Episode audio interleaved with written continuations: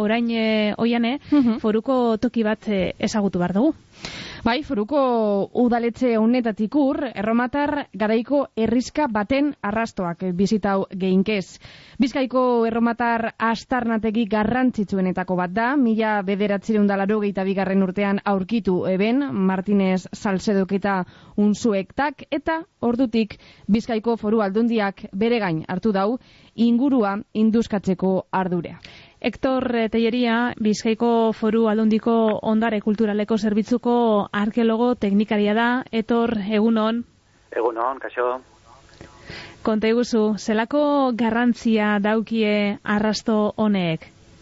Bajo, ba, eh, garrantzi be- bere bizikoa. Eh, Esan duzu, ba, bueno, bizkaiko aztarnatik erromatar garrantzitsuena dela. Bai, ala da. Baina gehiago esango nuke, bueno, eh, kantauri ekialdean eh, ez dagoela olako beste aztarnategirik. Hau da, eh, forua, eh, bere izena dio bezala foru, edo forumetik dator.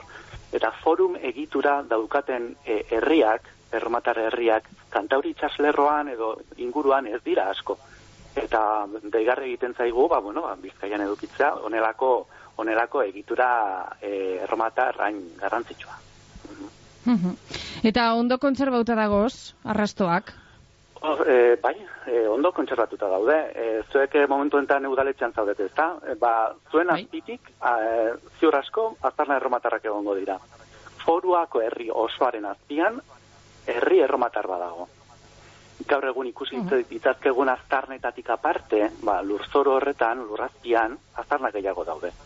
Eta, em, hektarea asko dituen eh, herri erromatar bada, e, historian zehar gehien edo edadura gehien daukana, industutako edadura gehien daukan herri, herri erromatar bat izango litzateke.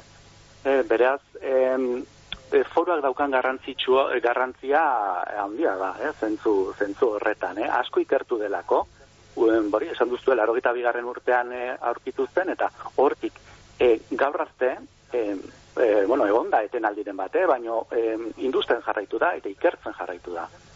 Eta, bueno, helburu izan da, ikertzen eta industen joan la, ba, gertu diren aztarna horiek, ba, biztan utzi direla. Ez denak, eh? Baino bai garrantzitsuenak edo, bai jarri direla biztan.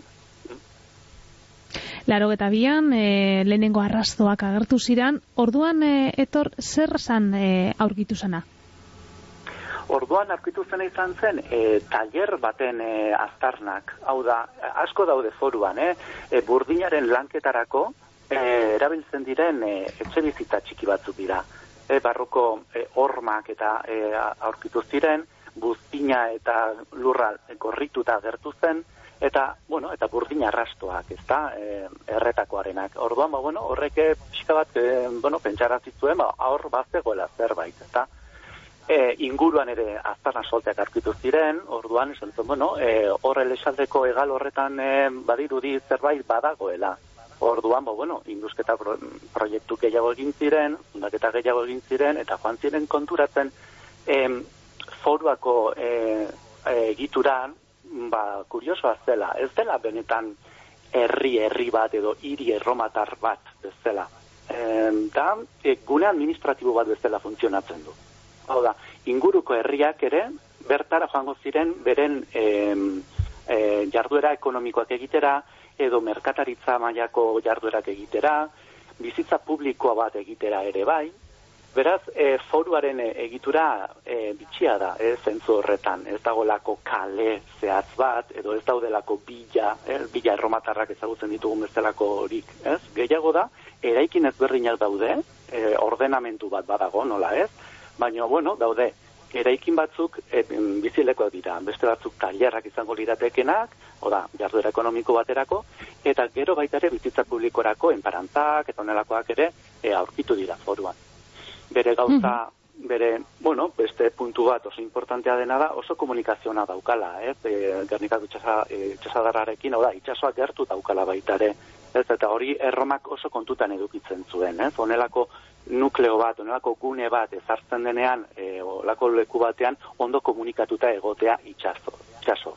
Eta merkataritza jarduera oso oparoa edukizuen zentzu horretan e, foruak. Arrazoi horren gaitik izan leike erromatarrek eh, leku hau aukeratzea? Bai, e, komunikazio on bat edukitzea oso, oso garrantzitsua zen. Gero baita ere baliabide naturalak. E, foruak bere inguruan e, baliabide natural e, oso onak dauzka, ez? Geologia aldetik, ba, bueno, hor daukagu ereinuko karaitzare hor daukagu, e, bueno, e, hori erabili izan zen eta esportatuare izan zen baita ere, ezta? Eta zerretik ez pentsatu foruak hori kanalizatuko zuela moduren batean. Eta gero baita ere, ba, burdina, ez? Burdina, bizkaiko burdina famatua e, ja erromatarren garaitik, ez da? Ordu, bueno, e, guzti hori kanalizatzeko, guzti hori importatzeko, baita ere garrantzitsua zen, e, ba, ba, forua bezalako gune bat edukitzea. Eh? Eta hori erromak mm. garbi ikusi zuen, eh, hasieratik.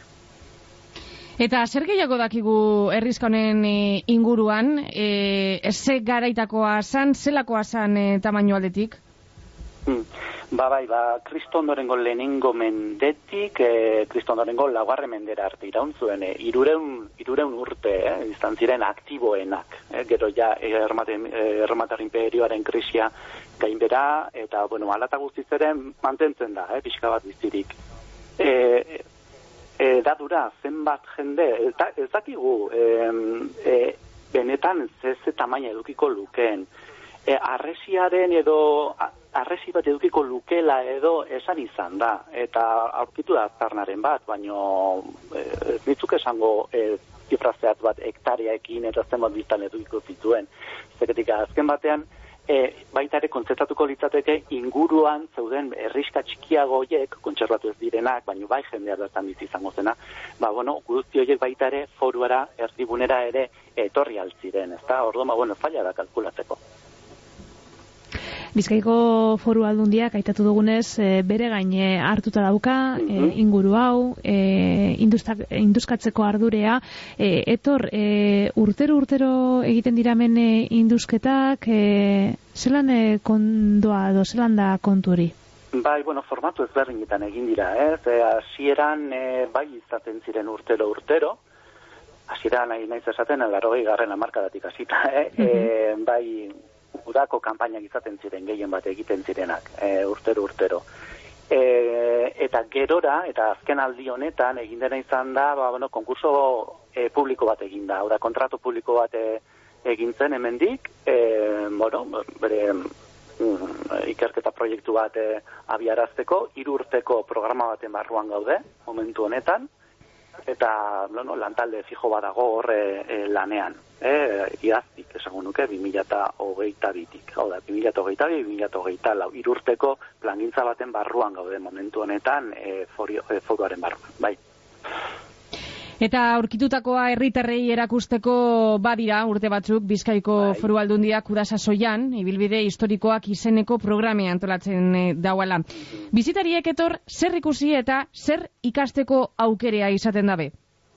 Ba, mm, bueno, bai, bizitarek ikusteko daukatena, bueno, bertan daudena aztarnak, hau da, eta tipologia ezberdineko eraikinak, hau da, ulertzen da e, nola eraikin ezberdinak daudela, mota ezberdinetako eraikinak daudela, kuartel militar bat daukagu koraldean, beko ere muan berriz e, etxe bizitza dauzkagu, gero tailerrak esan dizutena burdinaren lanketarako, gero beste espazio publiko bat, e, guzti hori bizitan zehar ikusi egiten da.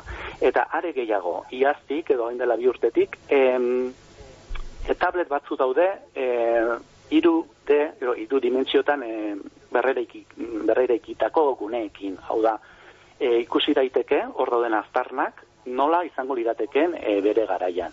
Hau da, hori bizitariari ere eskaintzen zaio baita ere, realitate virtualeko e, bat, e, berreraiketa bat, baita ere eskaintzen zaio.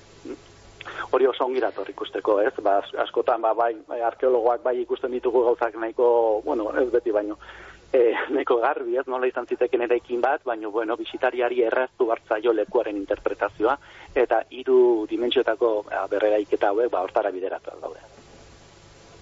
Bueno, ba, irrati uinen bitartez badabe, gaur e, foruko erromatar errizka hori bizetetzeko aukerea izan dugu, eta horretarako gida lanetan emetzi izan dugu geugaz, etor e, teieria, bizkaiko fororaldundiko ondare kulturaleko zerbitzuko arkeologo teknikaria.